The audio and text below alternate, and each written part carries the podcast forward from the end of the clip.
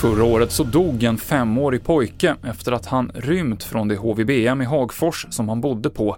Han hittades sen drunknad i en intilliggande å. Nu åtalas två personer i personalen som arbetade när den tragiska olyckan inträffade.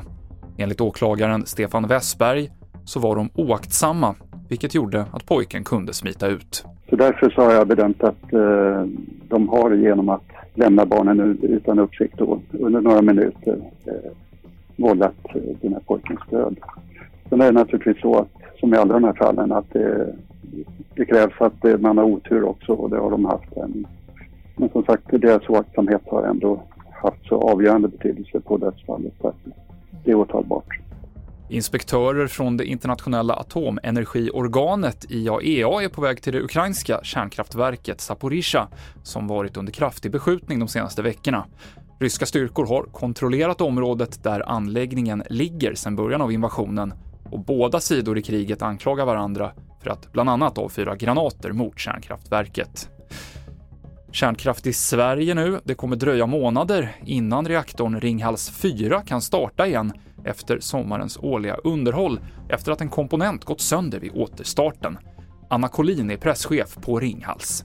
Vi kommer göra vårt absolut yttersta för att anläggningen ska kunna återstarta eh, igen som vi har sagt den 30 november. Eh, sen vad det får för påverkan på eh, elpriser och elmarknad det får jag överlåta till andra att bedöma. Vi kommer att se fler timmar som är med europeiska priser som kryper rakt in i Sverige. Eh, och det blir fler sådana timmar tyvärr när, när vi inte har egen eh, kraft som kan försörjas.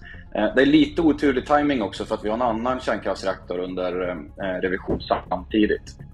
Och sist hörde vi Daniel Lindén som är elprisexpert på Tibber. Vi avslutar med valet. Sverigedemokraternas mål är att Sverige ska ha lägst invandring i Europa.